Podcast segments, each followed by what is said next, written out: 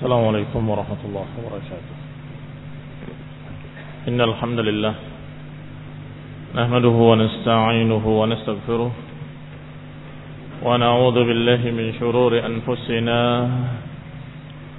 ومن سيئات أعمالنا من يهده الله فلا مضل له ومن يضلل فلا هادي له وأشهد أن لا إله إلا الله وحده لا شريك له وأشهد أن محمدا عبده ورسوله صلى الله عليه وعلى آله وأصحابه والتابعين وتابع التابعين ومن تبعهم بإحسان إلى يوم الدين.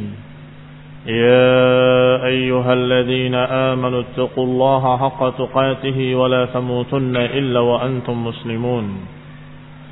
يا أيها الناس اتقوا ربكم الذي خلقكم من نفس واحدة وخلق منها زوجها وبث منهما رجالا كثيرا ونساء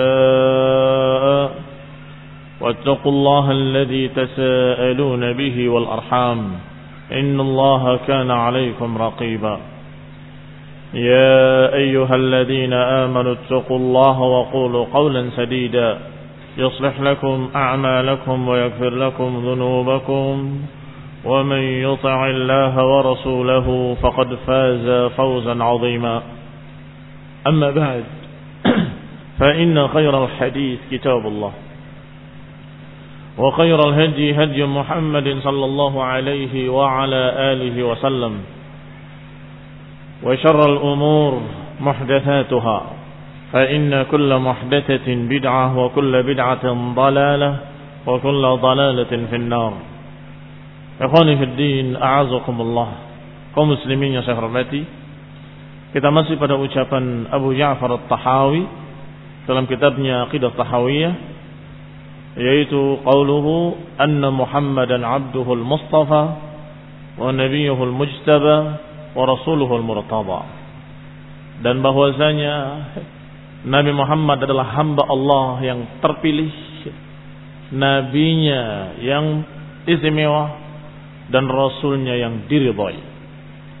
Ya, ini masih berkait dengan apa-apa yang dikatakan di awal. Ini beliau menyebutkan akidah ahli sunnah wal jamaah. Bahwa mereka meyakini sifat-sifat Allah, uluhiyah Allah, rububiyah Allah.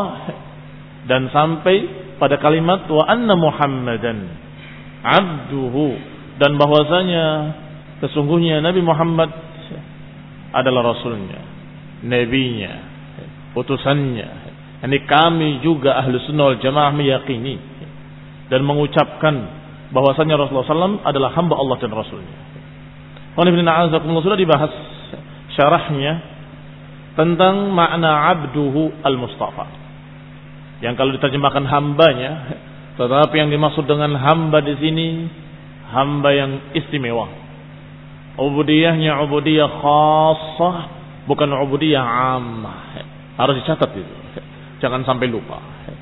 Jangan sampai kita menganggap sama antara budak dalam artian hamba sahaya yang rendah dengan abd dengan makna hamba Allah seperti Rasulullah SAW yang disebutkan dengan Abdullah wa Rasuluh. Sangat berbeda. Kalau ubudiyah ammah maka seluruh makhluk-makhluk ini semuanya hamba Allah.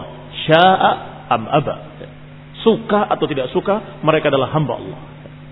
Ngaku atau tidak ngaku, tetap mereka adalah hamba Allah. Itu ubudiyah ammah, kehambaan umum. Tetapi ketika menyebutkan rasulnya, nabinya dengan kalimat abduhu, maka maknanya abduhu al-khas. Hambanya yang istimewa, hambanya yang khusus. Makna kehambaan di sana, kehambaan yang khusus sebagaimana ketika Allah kabarkan tentang wa ibadur rahman alladziina yamshuna 'alal ardi hauna. Hamba-hamba Allah yang Maha Rahman adalah yang berjalan di muka bumi dengan tidak sombong. Yang kalau diganggu oleh orang-orang jahil, qalu salama. Yang dia dalam keadaan tidak mengucapkan ucapan dusta. Yang kalau berjalan berjalan melewati lahu marru kirama dan seterusnya dan seterusnya sifat-sifat yang mulia dan dikatakan itulah ibadur rahman, hamba-hamba Allah yang maha rahman. Apalagi ketika menyatakan tentang Rasul, hamba Allah, maka maknanya hamba Allah yang mulia, hamba Allah yang khusus, yang Allah akui sebagai hambanya, yang Allah tinggikan derajatnya di antara seluruh para hamba.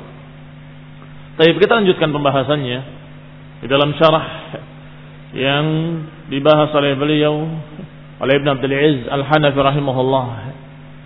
Wala raiba anna al-mu'jizat dalilun sahih. Terakhir kita bahas kemarin tentang masalah mu'jizat. Bahwa biasanya beberapa kelompok, beberapa kaum muslimin hanya mengukur kenabian dengan mukjizat saja. Yang namanya rasul adalah yang dapat mukjizat. Yang namanya nabi adalah yang dapat mukjizat. Seakan-akan tidak ada tanda-tanda lain kecuali mukjizat. Maka dijawab oleh beliau, la raiba annal mu'jizat dalilun sahih. Tidak ragu lagi bahwa yang namanya mukjizat memang dalil yang sahih. Memang dalil yang benar bahwa seorang rasul adalah di antaranya mereka mendapatkan mukjizat-mukjizat dari Allah Subhanahu wa taala. Lakin ad-dalil ghairu mahsur fil mu'jizat. Tetapi bukti-bukti kenabian tidak hanya pada mukjizat. Tidak hanya pada mukjizat. Fa inna an-nubuwata innama yadda'iha asdaqu sadiqin atau akdzabul kadhibin. Karena yang namanya kenabian, kerasulan tidak diaku-aku oleh seseorang kecuali dua kemungkinan imma oleh asdaqus sadiqin oleh sejujur-jujur manusia atau oleh akzabul kadibin atau oleh sedusta-dusta manusia sekadzab-kadzab manusia. Yakni kalau dia jujur berarti dia seorang nabi betul. Berarti kalau seorang nabi yang benar-benar rasul maka dia adalah asdaqus sadiqin sejujur-jujur manusia tetapi kalau ternyata dusta, maka orang ini berarti sedusta-dusta manusia. Karena berdusanya tidak sembarangan dengan dosa-dosa yang biasa. Dia berdusta mengakui dirinya seorang rasul, mengaku dirinya mendapatkan wahyu dari Allah, maka ini akzabul kadhibin, sedusta-dusta seorang pendusta. Berarti kata beliau, yang namanya kenabian diakui oleh dua jenis manusia. Imma oleh sejujur-jujur manusia, atau oleh seorang dusta-dusta manusia. Wala yatabis hadza bihadza illa ala ajhalil jahilin dan tidak mungkin akan tersamar antara keduanya kecuali oleh ajhalul jahilin, kecuali oleh seorang yang sebodoh-bodoh manusia. Masya Allah. Kata-katanya Ibn Abdul Aziz Al-Hanafi. Sangat bagus sekali. Bahwa pengakuan kenabian diucapkan oleh dua jenis manusia imma oleh sejujur-jujur manusia atau sedusta-dusta manusia. Dan tidak bisa membedakannya atau tidak gampang, tidak tersamar membedakannya. Afwan, tidak tersamar membedakannya. Kecuali sebodoh-bodoh manusia. Ini jujur sejujur-jujurnya. Yang ini kadzab, pendusta, sedusta-dusanya. Apakah susah dibedakan? Ya sangat mudah. Sangat mudah sekali membedakan antara orang yang paling jujur dengan orang yang paling pendusta. kaum muslimin yang saya hormati. Untuk membedakan antara keduanya sangat mudah. Tidak tersamar layal tabis illa ala ajhalil jahilin kecuali orang, orang yang sebodoh-bodoh manusia. Kebetulan dalam kitab yang akan kita bahas nanti dalam kitab Ibn Rajab disebutkan di sana ya, tentang masalah keraguan dan keyakinan. Da'ma yaribuk ila mala yaribuk. Tinggalkan yang meragukan kamu kepada apa yang tidak meragukan kamu. Di antaranya dicontohkan di sana bahwa antara seorang rasul yang berbicara manusia yang jujur dengan seorang kazab yang bernama Musailamah yang mengaku dirinya seorang nabi Kata beliau tidak perlu pakai bukti apa pun. Terlihat ini orang yang jujur, ini orang yang kadzab. Dari apa terlihatnya? Min lisanil qaul. Min lisanil maqal. Terlihat dari cara berbicaranya, terlihat dari perangainya, terlihat dari kebiasaannya sehari-hari, terlihat dari akhlaknya, terlihat dari semuanya dengan kasat mata, ini orang jujur, ini orang dusta. Buktinya, seorang sahabat yang bernama Amr bin As radhiyallahu taala anhu. Ketika dia masih kafir, dia menyatakan ketika mendengar Musailamah atau ketika mendengar seorang yang mengaku nabi, dia menyatakan, "Ya wabr, ya wabr, ya man fi sadr, wahai apa yang ada dalam hati ini, la taltabis ala Amr." Jadi beliau Amr bin As tidak tersamar atas Amr tentang keadaan orang ini. Bahwa engkau adalah pendusta. Ketika Rasulullah SAW berbicara, Amr bin As masuk Islam.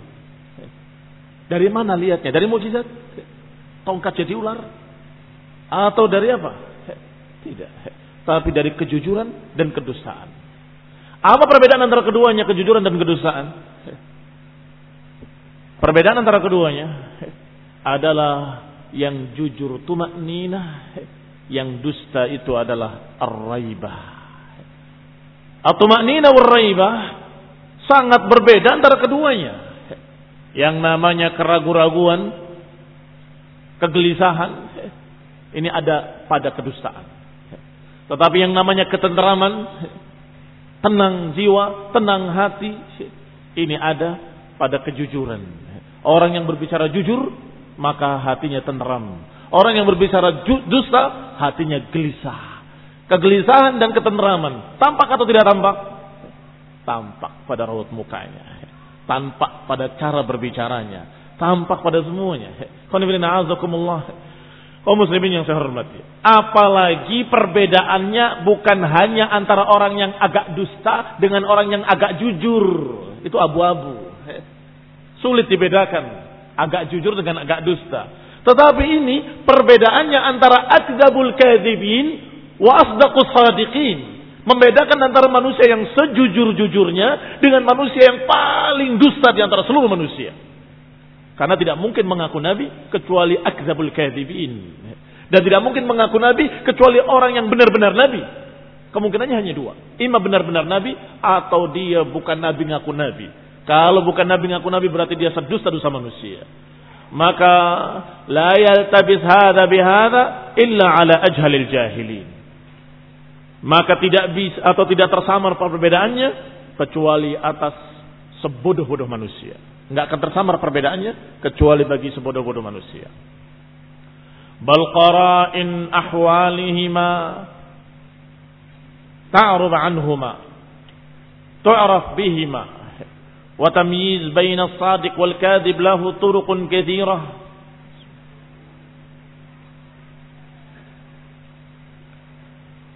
Bahkan tanda-tanda yang tampak pada keduanya sangat jelas. Wa tu'raf bihima akan bisa diketahui dengan melihatnya. Wa tamyiz baina shadiq wal kadhib untuk membedakan antara yang jujur dengan yang dusta lahu turuqun katsirah memiliki cara-cara yang banyak.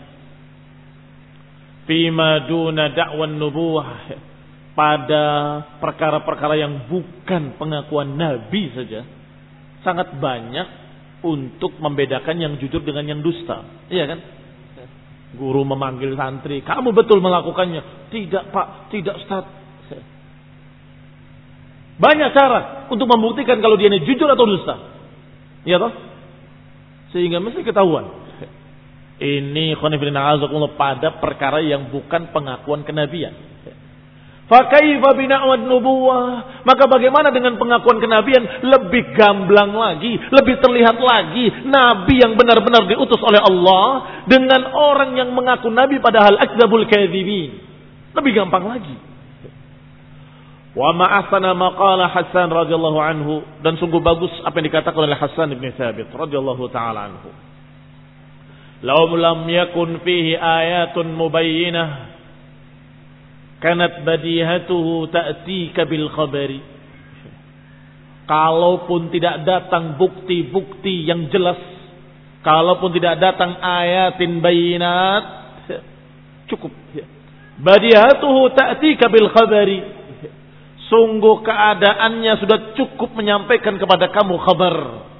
Berita kalau dia Rasul. Ikhwan ibn a'azakumullah. Orang yang pertama kenal dengan Rasulullah SAW. Orang yang pertama berhubungan dengan beliau. Melakukan berbagai macam hubungan, berbicara, ngobrol atau berdagang dan sebagainya. Semuanya kagum kepada beliau. Dan menyatakan ini bukan orang biasa. Ini dikatakan oleh Hasan bin Thabit radhiyallahu anhu. Kalaupun nggak ada bukti-bukti, nggak ada mukjizat, nggak ada apa pun, cukup keadaan dia sudah cukup membuktikan, mengkhabarkan kepadamu kalau dia nabi, kalau dia rasul sallallahu alaihi wa ala alihi wasallam. وما من أحد ادعى النبوة من الكذابين إلا وقد ظهر عليه من الجهل والكذب والفجور واستحواذ الشياطين عليه ما ظهر لمن له أدنى تمييز kata beliau rahimahullah kata Ibn Abdul Aziz Al-Hanafi tidaklah seorang pun mengaku-ngaku nabi dari para pendusta kecuali akan tampak padanya. Minal jahli. Akan tampak kebodohannya. Akan tampak kedustaannya. Akan tampak kejahatannya, akan tampak istihwadu syaitan alaih, bahkan syaitin alaih, akan tampak kalau dia dikuasai oleh syaitin, oleh syaitan-syaitan.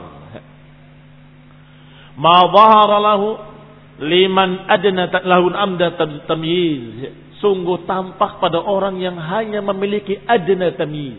Sedikit kemampuan untuk membedakan cukup. Untuk mengetahui kalau ini dusta.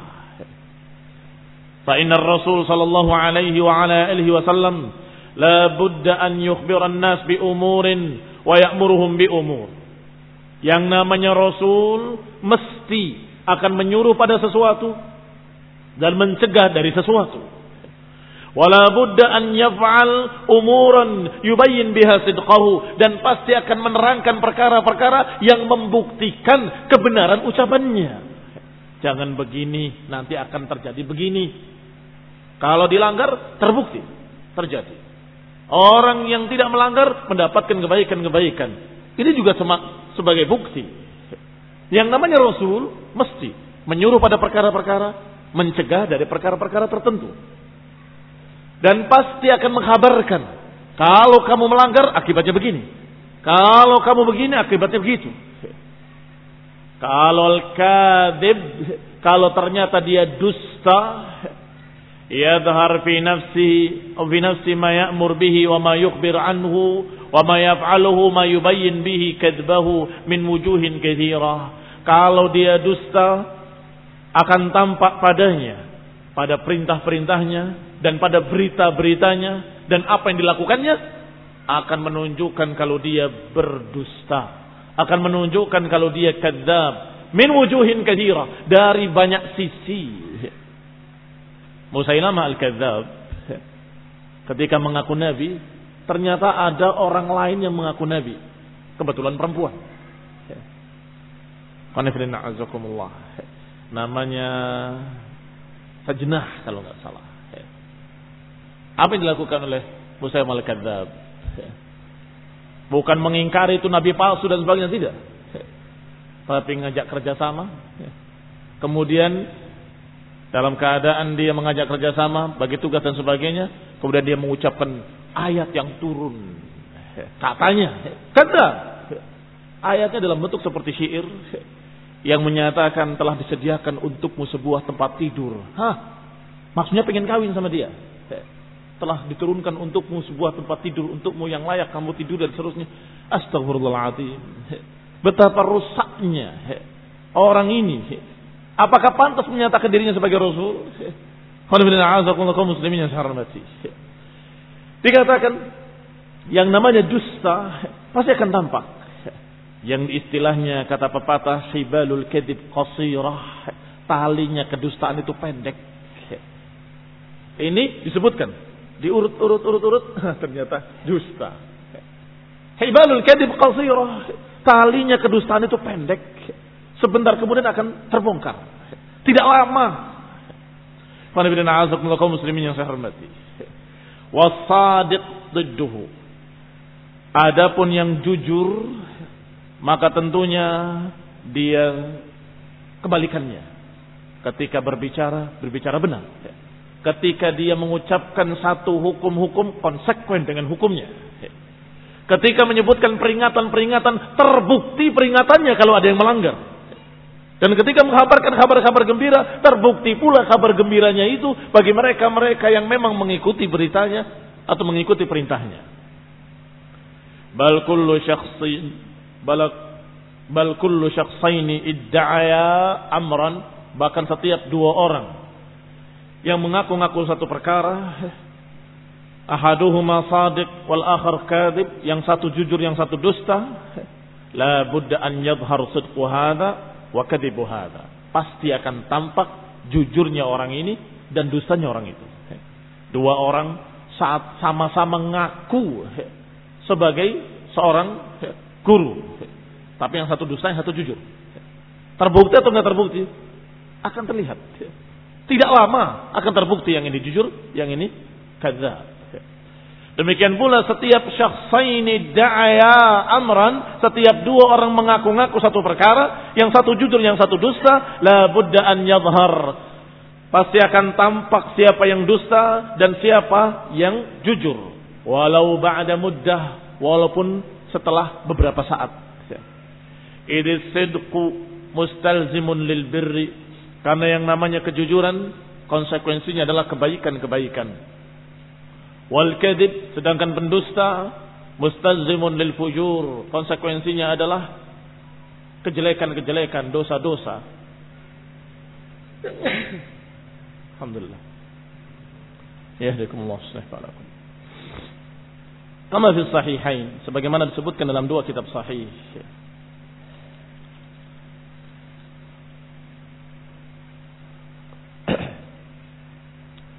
Alaikum bisidqi فإن الصدق يهدي إلى البر وإن البر يهدي إلى الجنة وما يزال الرجل يصدق ويتحرى الصدق حتى يكتب عند الله صديقا kata Nabi Alaihissalam bahwa seorang atas kalian untuk jujur karena kejujuran akan membawa kebaikan-kebaikan dan sesungguhnya kebaikan itu akan membawa kepada surga Barang siapa yang seseorang yang jujur dan terus dia jujur dan berusaha untuk jujur hingga nanti ditulis oleh Allah sebagai siddiqa, orang yang jujur.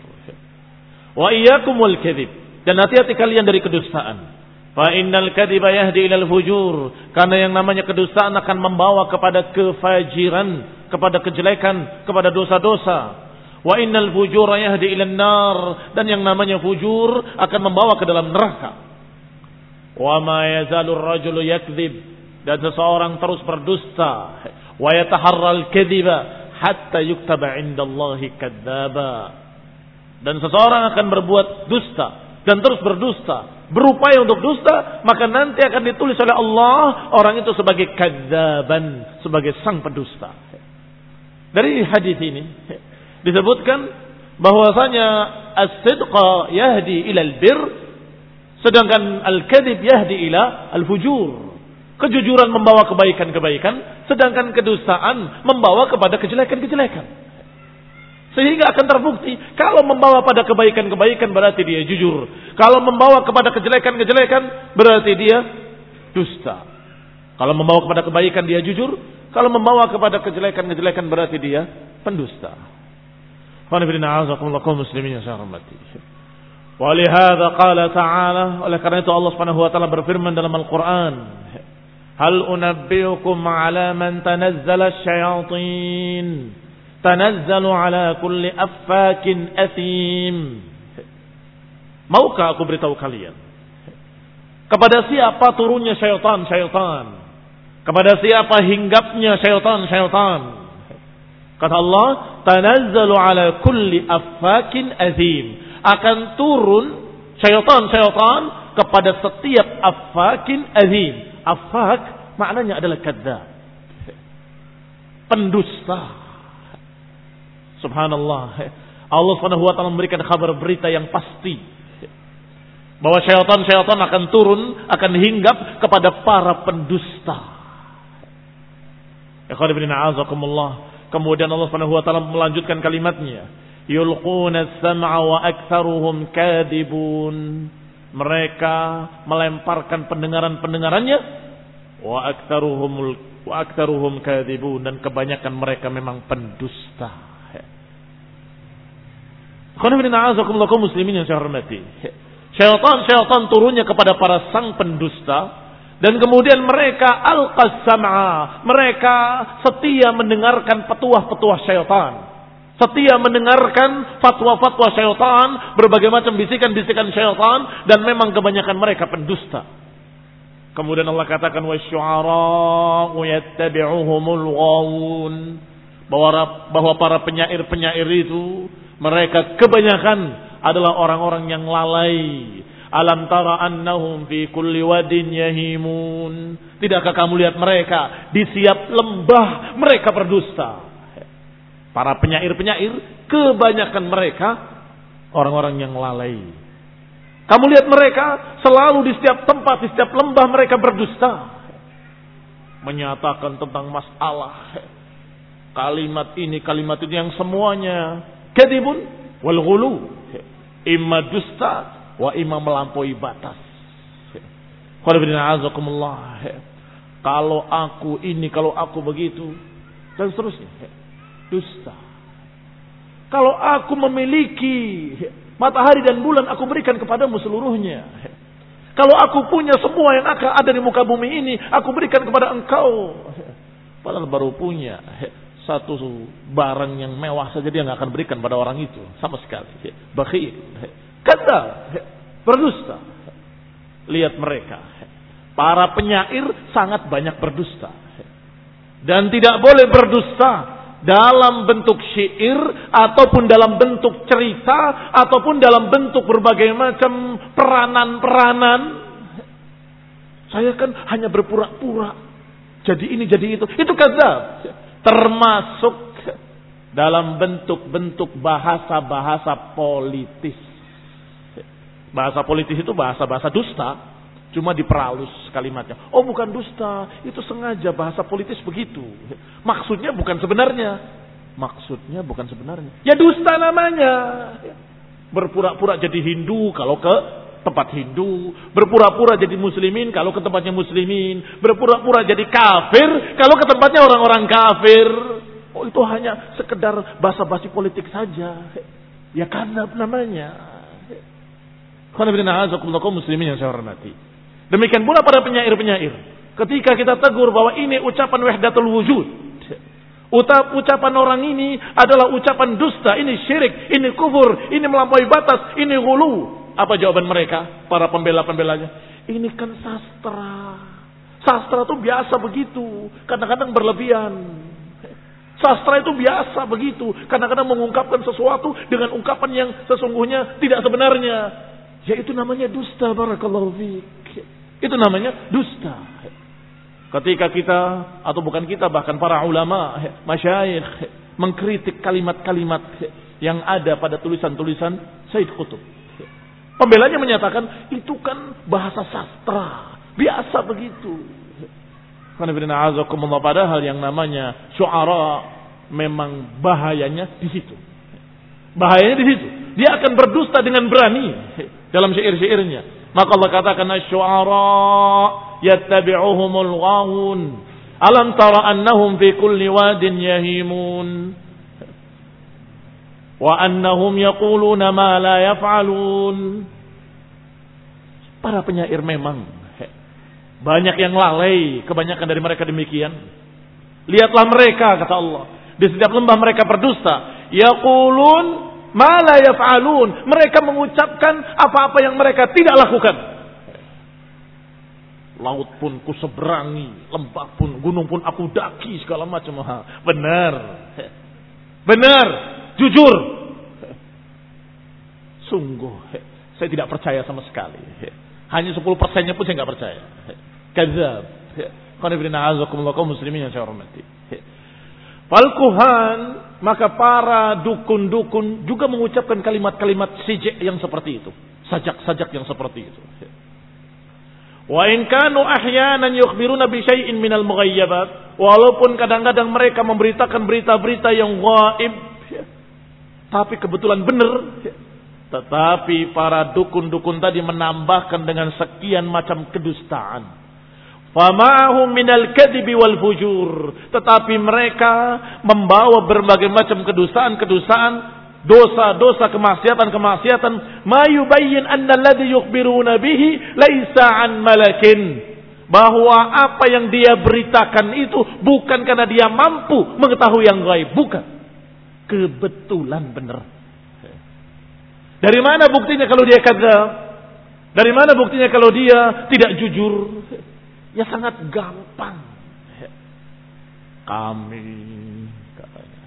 bisa merubah dan menggandakan uangmu yang 50 juta menjadi 100 juta. Yang 100 juta bisa menjadi 10 ribu juta dan seterusnya dan miliar-miliar seterusnya.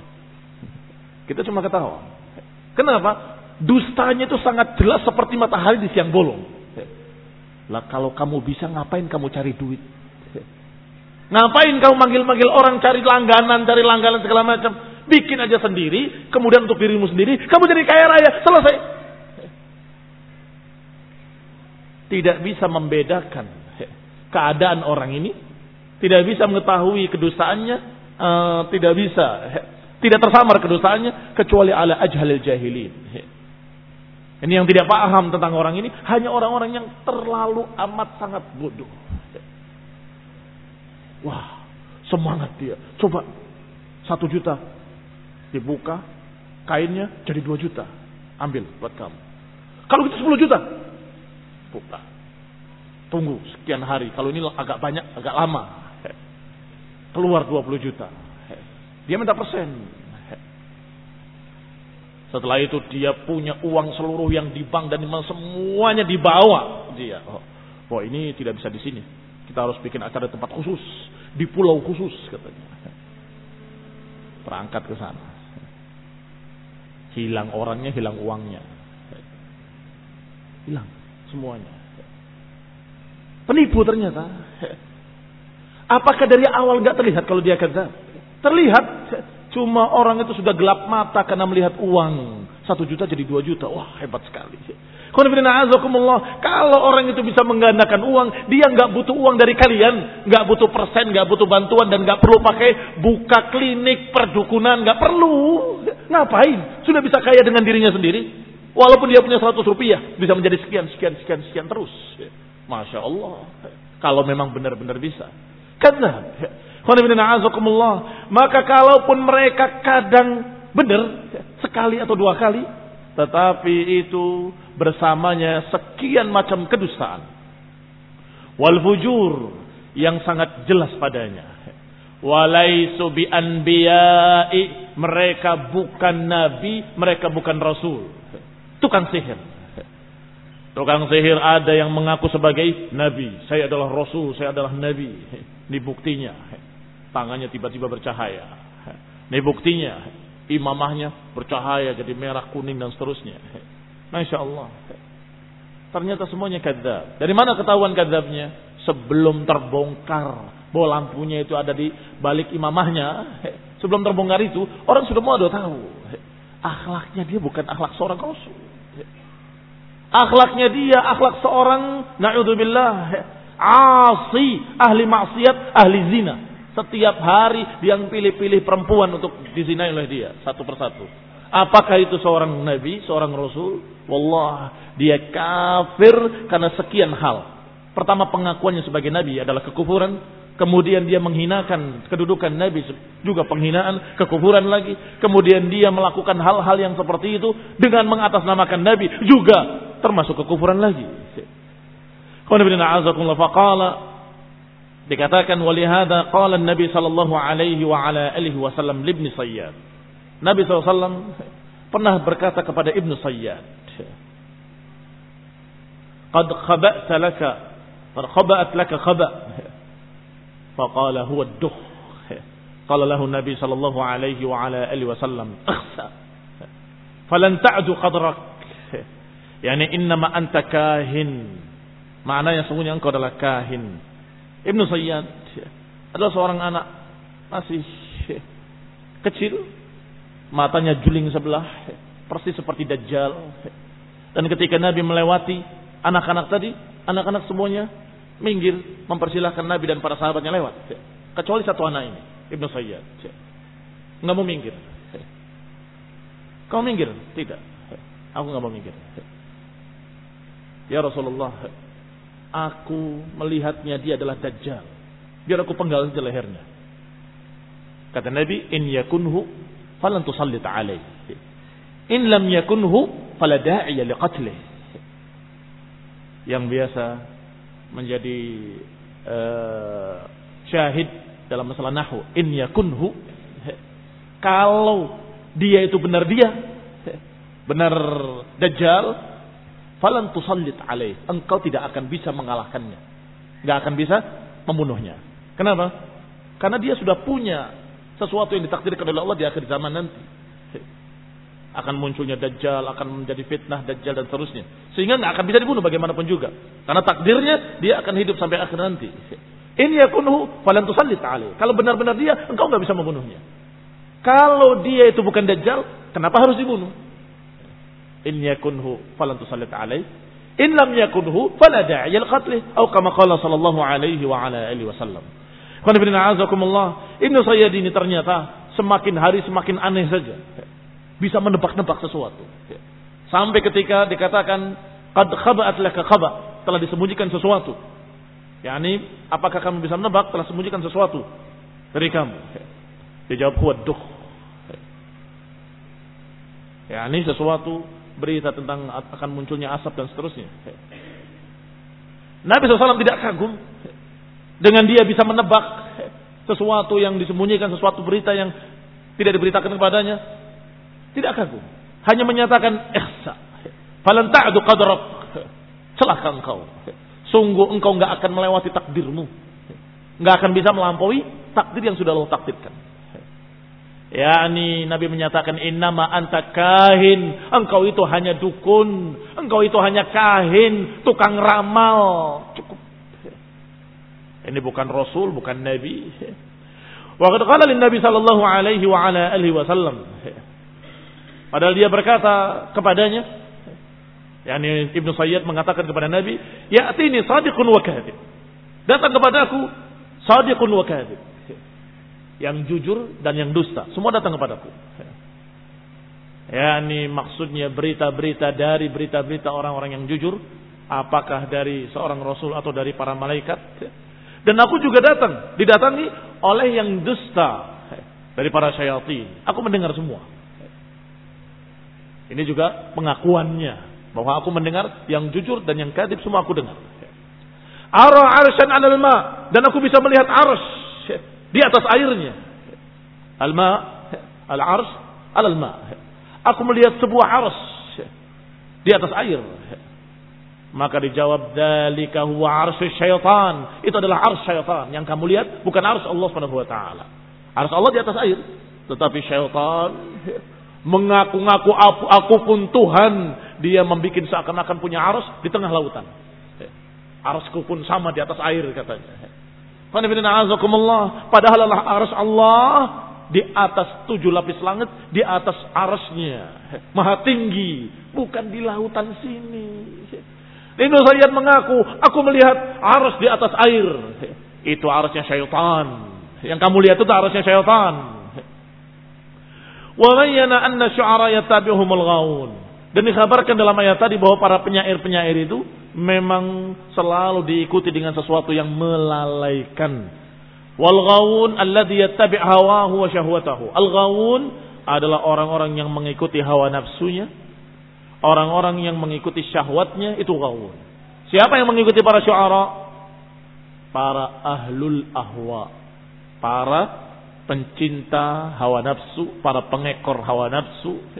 Itu yang mengikuti para syuara. Karena syuara itu kedudukannya seperti wartawan hari ini.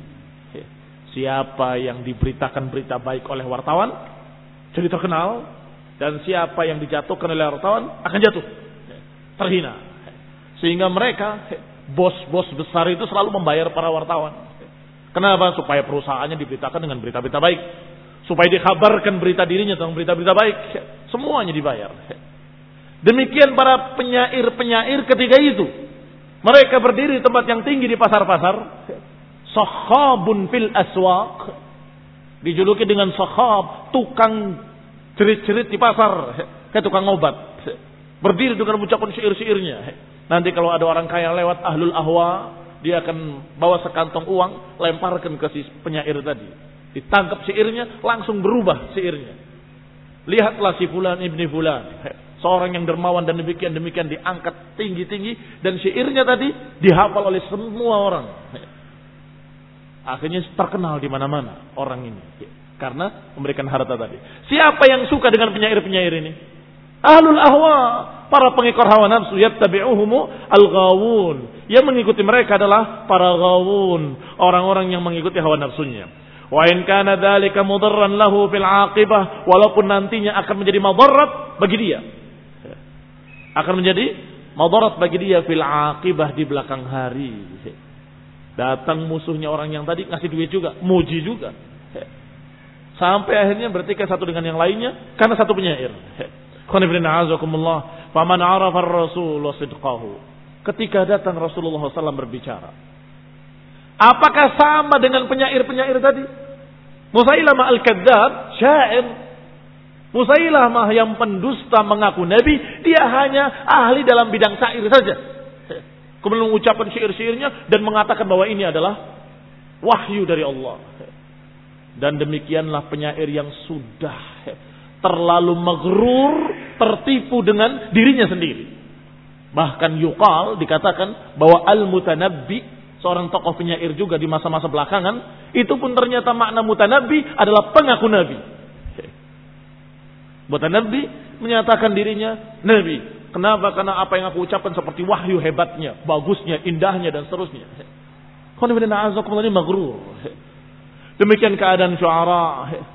Tetapi dikecualikan illa alladzina amanu kecuali orang yang beriman. Sedikit. Semuanya demikian kecuali. Ini menunjukkan sedikitnya. Seperti sahabat Hasan bin Thabit yang tadi kita baca syairnya. Lau lam yakun fihi ayat mubayyinah. Kanat badihatuhu ta'tika bil khabari. Kalaupun gak ada bukti-bukti kenabian. Maka cukup keadaannya menunjukkan kalau dia seorang Rasul. Faman arafa ar-rasul wa sidqahu wa wafa'ahu mutabaqata qawlihi li'amalih alima ilman yaqinan annahu laysa bi sya'irin wala kahin. Barang siapa yang tahu dan mengenali Rasul sallallahu alaihi wasallam Bagaimana jujurnya dia sebelum jadi nabi sampai setelah jadi nabi. Dan bagaimana wafa'ahu dan bagaimana beliau menepati janji-janji. Wa mutabaqata qawlihi li'amalih dan bagaimana kecocokan antara ucapannya dengan perbuatannya. Sama. Perbuatan dengan ucapannya klop. Maka siapa yang tahu semua itu? Alima. Ilman yakinan. Dia akan tahu dengan seyakin-yakinnya bahwa orang ini bukan penyair, bukan pula kahin. Allah Subhanahu wa taala menyatakan demikian berkali-kali dalam Al-Qur'an. Wa huwa bisyair. Bahwa beliau bukan syair. Dan dikatakan juga wala biqauli kahin. Bukan juga ucapan sang dukun-dukun, bukan. Beda. Dukun-dukun seperti ini Nabi seperti itu. Walaupun sama-sama memberitakan berita-berita yang belum terjadi. Nabi menyatakan nanti akan terjadi begini, nanti akan terjadi begitu dari Allah Subhanahu wa taala. Dan Nabi jujur menyatakan, aku diberitakan oleh Allah Subhanahu wa taala. Uhiya ilayya annahu istama'a nafarun minal jinni. Diwahyukan kepadaku bahwa ada para jin sekelompok jin mendengarkan Al-Qur'an kepadaku. Uhiya ilayya ini membuktikan bahwa Nabi jujur, aku bukan lihat sendiri, Dibahyukan kepadaku berita bahwasanya ada kelompok jin datang kepadaku mendengarkan Al-Quran.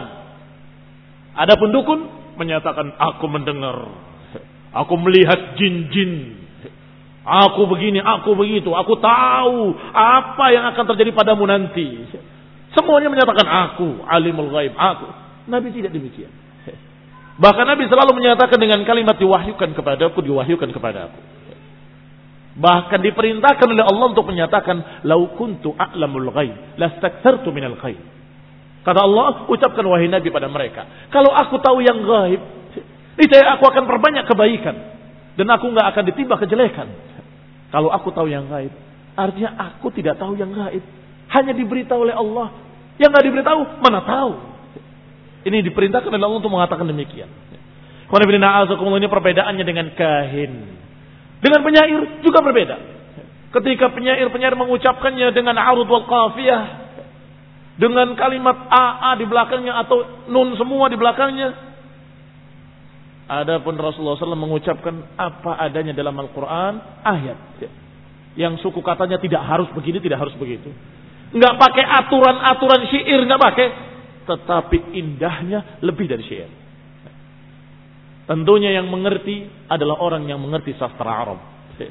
Yang paham adalah orang yang mengerti zawqul Arabiyah, orang yang mengerti perasaan Arabiyah, perasaan bahasa Arab, maka dia akan melihat bahwa ini lebih indah daripada syair. Berbeda. Wa ma huwa biqauli syair. Sungguh ini bukan ucapan penyair, wala biqauli kahin, bukan pula ucapan dukun-dukun. Beda. Barang siapa yang melihat keadaan keduanya, ini dukun, ini rasul. Melihat keduanya, pasti pasti pasti akan melihat perbedaan yang sangat nyata. Kenapa? Al-sidq yahdi ila al-bir Sedangkan al-kadhib yahdi ila al-fujur. Bahwa yang namanya kejujuran membawa kepada bir kebaikan-kebaikan. Sedangkan yang namanya kedustaan membawa kepada kejelekan-kejelekan dosa-dosa. Kamu lihat keadaan Nabi yang putih bersih, bersih pakaiannya, bersih badannya, selalu dia dalam keadaan bertaharah, dalam keadaan akhlaknya yang mulia. Sedangkan dukun kotor, busuk, jelek, dalam keadaan begini dan begitu yang selalu didekati oleh jin-jin dan syaitan-syaitan dan selalu berbuat perbuatan-perbuatan yang jahat. Beda. Bumi langit bedanya. Apakah itu bukan bukti kejujuran Rasulullah SAW bahwa beliau adalah seorang Rasul? Waqala dikatakan selanjutnya oleh beliau والناس يميزون بين الصادق والكاذب بأنواع من الأدلة dan manusia membedakan antara yang jujur dengan yang dusta bi anwa dengan berbagai macam adillah berbagai macam dari dalil-dalil bukti-bukti. Hatta fil mudda'i lis-sana'ati wal maqalat. Hingga pada orang-orang yang mengaku-ngaku satu ciptaan mengaku-ngaku satu penemuan atau makalat mengaku-ngaku satu ucapan bisa dibuktikan. Siapa yang jujur siapa yang dusta. Kaman yad'i al-fallahah wan nasajah wal kitabah sebagaimana orang yang mengaku-ngaku sebagai fallahah dia adalah orang yang petani yang hebat atau dia seorang penyulam yang menyulam dengan bagus atau dia adalah seorang ahli menulis akan terbukti dengan mudah. Atau atau orang yang mengaku-ngaku sebagai ahli nahwu mengaku sebagai ahli kedokteran mengaku sebagai ahli fiqih mengaku sebagai berbagai macam pengakuan-pengakuan akan mudah dibedakan dengan sekian macam adillah bi anwa'in min al adillah wan nubuwah mustamilah ala ulum wa a'mal adapun pengakuan kenabian adalah pengakuan terhadap semua bentuk-bentuk keilmuan dan semua bentuk-bentuk perbuatan. La budda an rasul biha. Yaitu sesuatu yang harus seorang rasul memiliki sifat-sifat tersebut. Wahia ashraful ulumi wa ashraful a'mal. Yaitu ilmu yang tertinggi dan amalan yang tertinggi. Ini berat pendustanya akan terbukti dengan mudah. Pendusta akan terbukti dengan mudah. Kenapa? Karena pengakuan untuk mengakui dirinya bahwa aku berbicara dengan ucapan yang paling baik dan aku beramal dengan amalan yang paling sempurna. Dan aku memiliki ilmu, ilmu yang paling tinggi. Pengakuan seperti ini sangat susah untuk diucapkan oleh sembarang orang. Setiap orang mengucapkan hal itu kalau tidak jujur pasti ketahuan.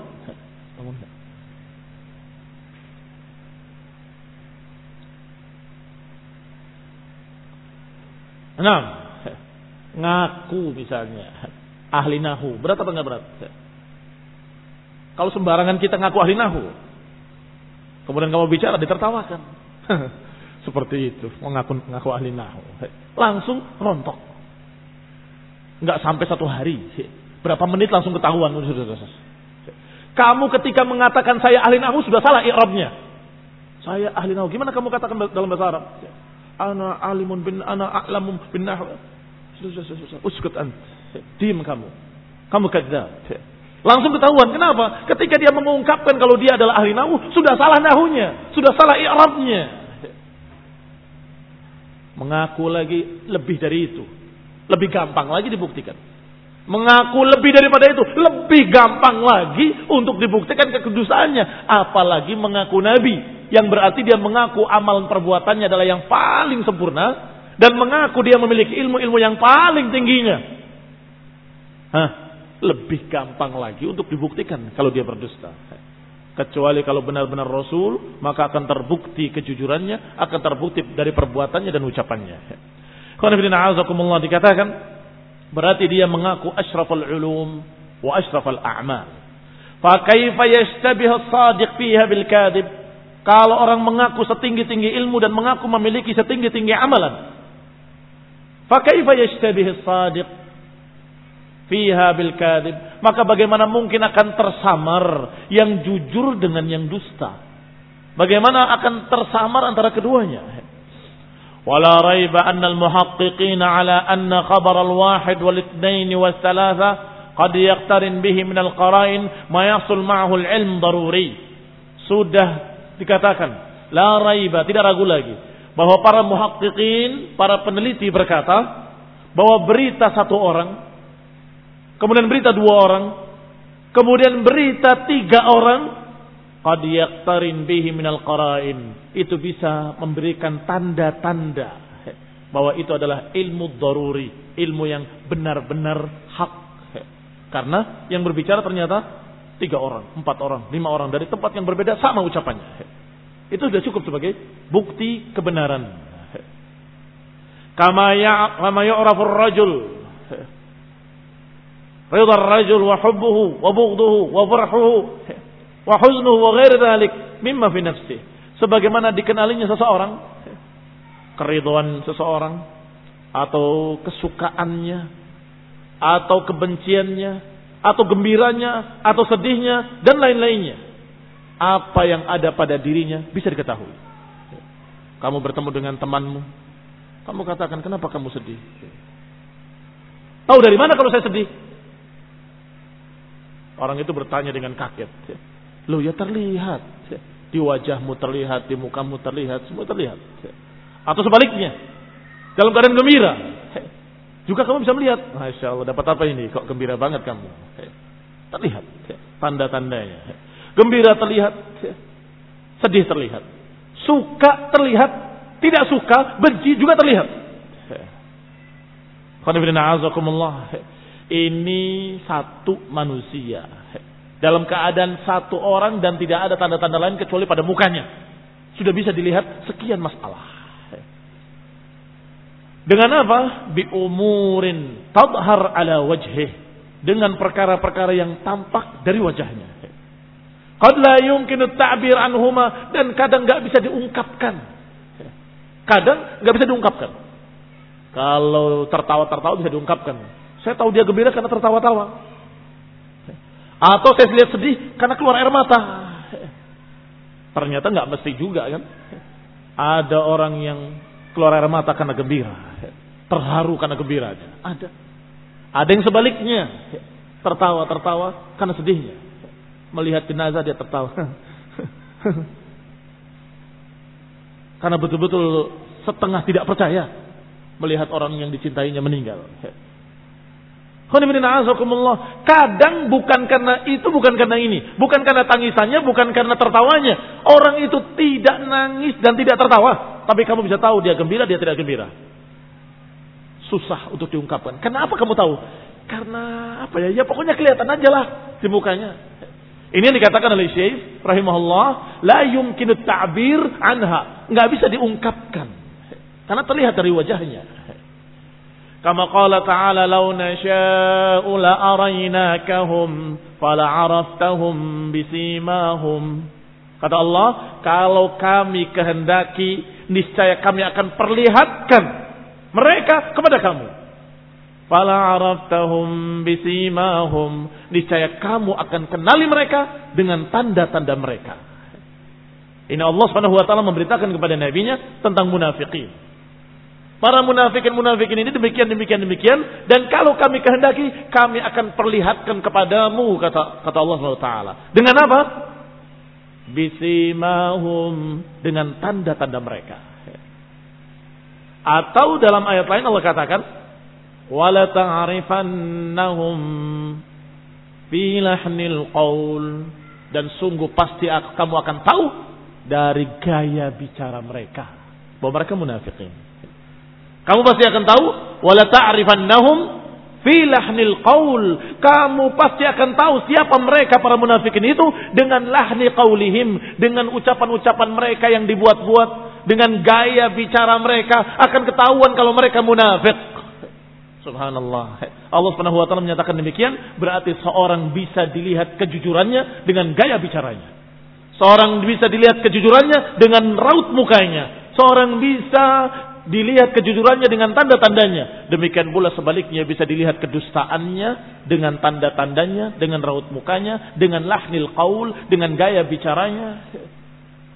Waqad qila dan telah dikatakan ma asarra ahadun sariratan illa adharaha Allah ala safahati wajhihi wa falatati lisanih. Disebutkan dalam apa? Disebutkan di sini disebutkan oleh Ibnu Katsir kepada Utsman ibn Affan radhiyallahu taala anhu.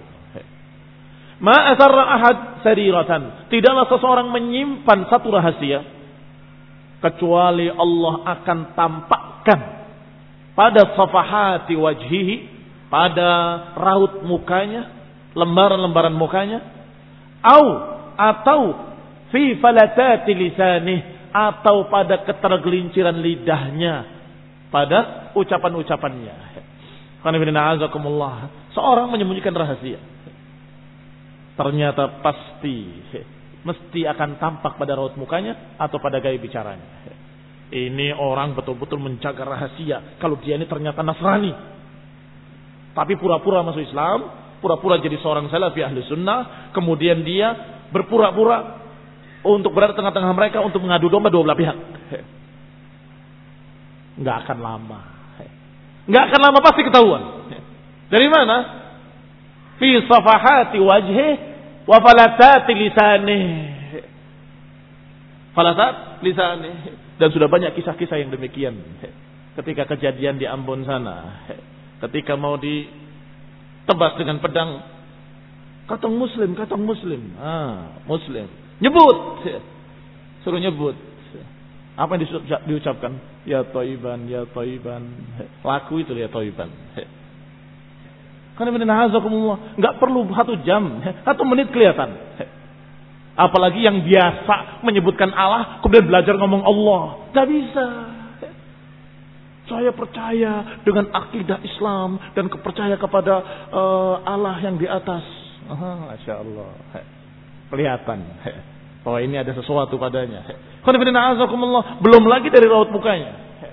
Orang semua serius ngaji, dia begini. Ngawasi ke kanan, ngawasi ke kiri, ngawasi ke atas, ke bawah, mencatat sesuatu. Khonifina'azakumullah dikatakan oleh mereka, Ma asarra ahadun sarihatan illa adharaha Allah fi safahati wajhi wa falatati lisanih. Tidaklah seorang menyembunyikan rahasia kecuali akan tampak di wajahnya atau akan tampak pada lidahnya. Faidha kana sidqul mukhbir wa kadhibuhu yu'lam. Kalau kejujuran seseorang dan kedustaannya bisa diketahui dari tanda-tandanya, dari apa yang terlihat di wajahnya atau yang terlihat di ucapan-ucapannya. Bima yaqtarinu minal qara'in, yakni apa yang mengiringnya dari tanda-tanda Fakaifa bidakwal mudda'i annahu Rasulullah. Maka bagaimana mungkin tidak bisa dibedakan antara orang yang mengaku nabi dengan jujur dan orang yang mengaku nabi dengan dusta. Kalau mengaku yang kecil-kecil saja bisa dibuktikan, Jujur atau dusta. Apalagi mengaku seorang rasul. Mengaku seorang nabi. Kaifa yakhfa sidqa hadha min kadibihi. Bagaimana akan tersamar kejujuran dari kedustaan? Wa kaifa la yatamayyaz as-sadiq fi? Bagaimana tidak bisa dibedakan antara yang jujur dengan yang dusta? Biwujuh minal adillah dari sekian banyak bukti-bukti dalil-dalil. muslimin yang saya hormati. Artinya dengan perkara-perkara bohir saja itu bisa dibuktikan. Kalau ini benar-benar Rasul, benar-benar seorang Nabi. Apalagi kalau melihat apa yang Allah berikan kepadanya. Risalahnya sampai sempurna. Sampai lengkap. Ayat yang turun juga sampai lengkap. Sampai turun ayat tamat kalimat rabbika sidqan wa adla. Telah sempurna kalimat kalimat Allah dengan jujur dan adil. Dan juga telah turun ayatnya al-yawma akmaltu. Hari ini telah aku sempurnakan. Walihada Lama kanat Khadijah radhiyallahu taala anha ta'lam min Nabi sallallahu alaihi wa ala alihi wasallam annahu sadiqul bar qala laha lamma ja'ahu wahyu. Oleh karena itu Khadijah radhiyallahu anha ketika mengetahui dari Nabi sallallahu alaihi wa ala alihi wasallam bahwa beliau memiliki perangai yang luhur, bahwa beliau adalah jujur, albar, jujur dan orang yang baik. Maka Khadijah berkata kepadanya, ketika Nabi mendapati sesuatu di gua Hira, ketika didatangi Jibril dan Nabi tidak tahu siapa itu dan Nabi tidak mengerti apa yang dimaksud. Gelisah, apa yang datang kepadaku, apa yang datang kepadaku. Khadijah yakin yang datang pasti kebaikan. Dari mana Khadijah meyakini bahwa yang datang pasti kebaikan? Hah? Karena engkau, kata Khadijah kepada Nabi, karena engkau adalah orang yang baik. Engkau menyambung silaturahmi. Engkau memberikan bantuan kepada fakir miskin. Engkau begini, engkau begitu, engkau begini. Dipuji-puji segala macam yang ada pada Nabi, semuanya terpuji. Tidak mungkin datang kepadamu sesuatu yang jelek. Demikian kata Khadijah. Belum tahu beliau adalah seorang calon nabi, belum tahu. Tetapi sudah melihat tanda-tanda kebaikannya.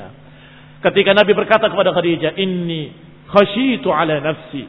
Sungguh aku mengkhawatirkan diriku. Kata Rasulullah SAW. Ini khawatir ada apa-apa. Aku betul-betul waktu didatangi sesuatu dan aku begini, aku begitu. Aku gelisah. Aku takut ada apa-apa denganku. Apa kata Khadijah? Kalla. Wallahi la Allah. Tidak sekali-kali. Tidak mungkin engkau didatangi sesuatu yang jelek atau engkau terkena jin, tidak mungkin. La Allah abadan. Engkau tidak akan dihinakan oleh Allah Subhanahu wa taala. Innaka latasilur rahim. Engkau menyambung silaturahmi. Wa tasduqul hadid. Engkau adalah orang yang jujur dalam berbicara. Wa tahmilul kal. Dan engkau memikul beban orang lain. Ini mau membantu orang lain. Wa tuqri'u dhaif. Engkau menghormati tamu. Wa taksibul ma'dum. Engkau memberikan kepada orang yang tidak punya. Wa tu'in ala nawaibil haq. Dan engkau membantu mendukung semua perkara-perkara yang hak. Tidak mungkin Allah menghinakan engkau dengan penyakit seperti itu. Fahuwa lam yakhfa min ta'ammudil kadhib fahuwa la yakhfa la yakhaf min ta'ammudil kadhib fahuwa ya'lam min nafsihi sallallahu alaihi wa ala wasallam annahu lam yakdhib maka Nabi sallallahu alaihi wa ala wasallam lam yakhaf. Iya benar lam yakhaf. Tidak khawatir kalau Nabi diri merasa dirinya sengaja sengaja berdusta. Tidak. Bukan yakhaf min ta'ammudil kadzib. Bukan khawatir dirinya berdusta. Khawatir aku berdusta, bukan.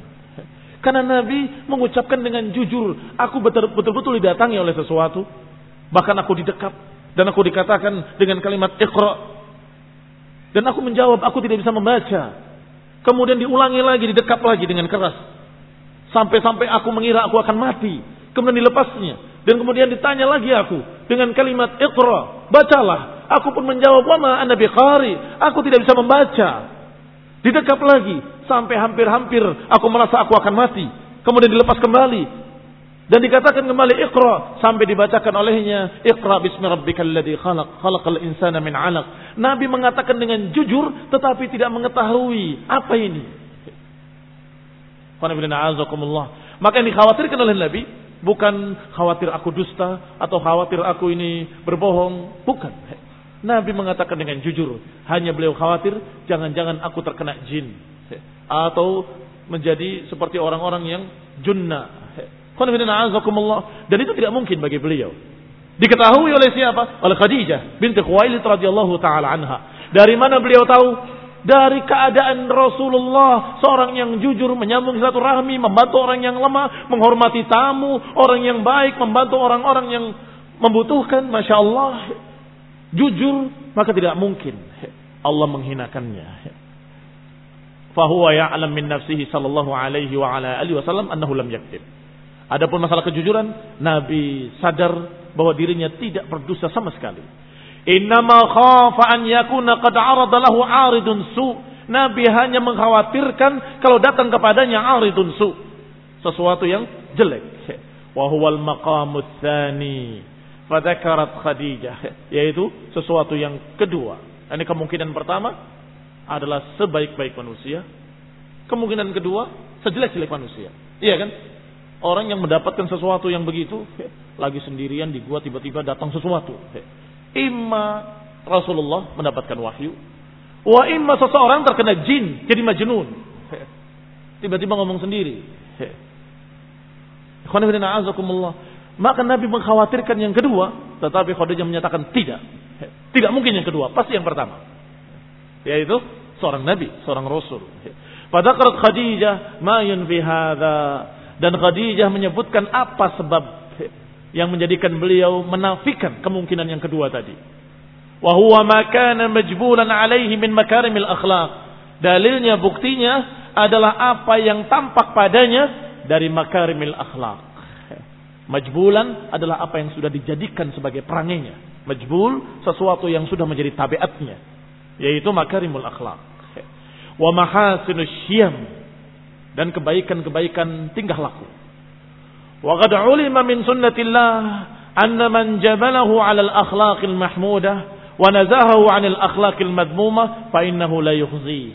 Dan sudah terbukti dalam sunnatullah fil kaun, sunnatullah di alam ini semuanya bahwa siapa yang dijadikan dia di atas akhlak yang terpuji wa nazahahu 'anil akhlaqil madmumah dan dia dibersihkan dari akhlak-akhlak yang jelek, biasanya dia la yukhzihi, biasanya Allah tidak akan hinakan dia, tidak akan rendahkan dia dengan sesuatu yang merendahkan. Ini sudah sunnatullah. Dan ini terbukti dengan kasat mata. Di tengah-tengah kita kaum muslimin, kalau ada orang yang jujur, akhlaknya baik dan sebagainya, perangainya tinggi, akhlaknya luhur, pasti akan dimuliakan di tengah-tengah kaum muslimin. Mesti itu. Sebaliknya, kalau ada orang yang kadzab, pendusta, tidak jujur, akhlaknya jelek dan sebagainya, rendah. Allah akan takdirkan perkara-perkara yang merendahkannya. muslimin yang saya hormati. Demikian pula orang yang berpura-pura jujur, berpura-pura berakhlak mulia, padahal dia dalam keadaan akhlaknya bejat. Sembunyi-sembunyi. Biasanya Allah juga ketika murka, Allah bongkar aibnya, Allah tunjukkan pada kaum muslimin seluruhnya aslinya orang ini. Demikian sunnatullah fil kaun. Ini adalah sunnatullah di alam ini. وكذلك قال النجاشي لما استخبرهم عما يخبر به واستقرأهم القرآن فقرأوا عليه إن هذا والذي جاء به موسى عليه السلام لا يخرج من مشكاة واحدة demikian pula berkata Najasyi Raja Najasyi lamma stakhbarahum amma yukhbir bihi ketika minta berita kepada utusan kaum muslimin yang datang ke negerinya yaitu Ja'far bin Abi Thalib radhiyallahu taala anhu dan kaum muslimin yang bersamanya istakhbarahum minta beritanya. Apa yang dikatakan oleh orang yang mengaku nabi di tengah kalian? Apa yang dia dakwahkan? Apa yang diajarkan? Dibacakan semuanya.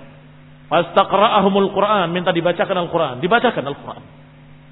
Apa jawaban Raja Najasyi baru mendengarkan sepintas dan mendengarkan satu surat barangkali atau mungkin tidak selesai satu surat.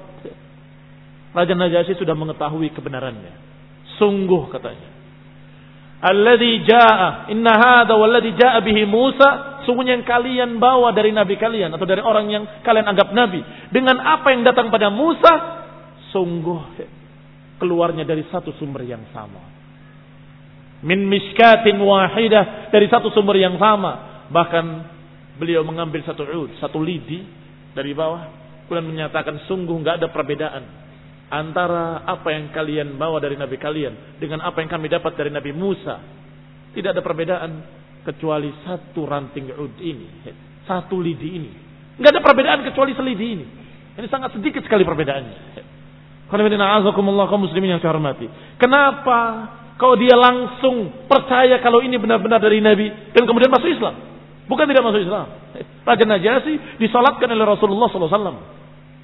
Ketika wafatnya, ketika meninggalnya. Yang menunjukkan kalau beliau sudah muslim. muslimin yang saya hormati. Dari mana taunya? Minal qara'in dari tanda-tanda kejujuran. Yang sekian banyaknya. Tidak hanya mujizat yang namanya jujur, banyak bukti-buktinya kalau itu jujur. Apa di antaranya? Yang sering kita pakai sehari-hari. Ketika dia bicara, wah benar kamu. Kenapa? Karena saya pernah mendengar hal yang seperti ini dari orang lain. Iya kan? Sama ternyata. Berarti benar. Demikian pula apa yang dikatakan oleh Najasyi. Apa yang kamu katakan tadi sungguh gak berbeda dengan apa yang kami dapatkan dari Nabi Musa. Tidak ada perbedaan kecuali sekedar satu lidi ini. muslimin yang hormati. Dia tahu, Raja Najib tahu bahwa apa yang diberitakan orang-orang terdahulu dari para anbiya dan sama dengan ini padahal dia tidak berguru, tidak mengambil ilmu, tidak ada guru dari Yahudi atau Nasrani, maka ini menunjukkan kalau dia benar-benar seorang nabi, benar-benar seorang rasul. Bahkan ketika dia mendapatkan wahyu yang pertama, dia masih tidak mengerti dan tanya kepada beberapa orang seperti Warakah bin Naufal. Baru dikasih tahu, ini adalah yang pernah datang kepada Musa dulu. Baru beliau tahu sallallahu alaihi wa ala alihi wasallam. Berarti benar-benar jujur. Kalau saja dia pernah belajar dari pendeta-pendeta Yahudi atau Nasrani, maka dia akan merencanakannya. Ah, saya akan berpura-pura begini ya, saya akan berpura-pura supaya dikatakan nabi. Dan tidak mungkin akan takut Kenapa? mungkin akan takut. Karena dia berpura-pura. Dia pasti akan menyatakan dengan yakin, saya dapat wahyu. Ha, langsung tahu kalau itu wahyu. Tidak ada kalimat khasyitu ala nafsi. Dan ini nggak bisa berpura-pura. Orang yang takut beneran dengan orang yang pura-pura takut akan berbeda. Nggak akan sama. Bagaimana gelisahnya Rasulullah SAW sampai beliau menggigil, sampai berselimut. Sampai Khadijah menyelimutinya dan menenteramkannya karena gelisahnya Rasulullah SAW. Yang begini ini juga bukti kenabian SAW bahwa beliau jujur benar-benar mendapatkan wahyu dari Allah Subhanahu wa taala. Allah taufiq Kita lanjutkan insyaallah pada kejadian mendatang باذن taala.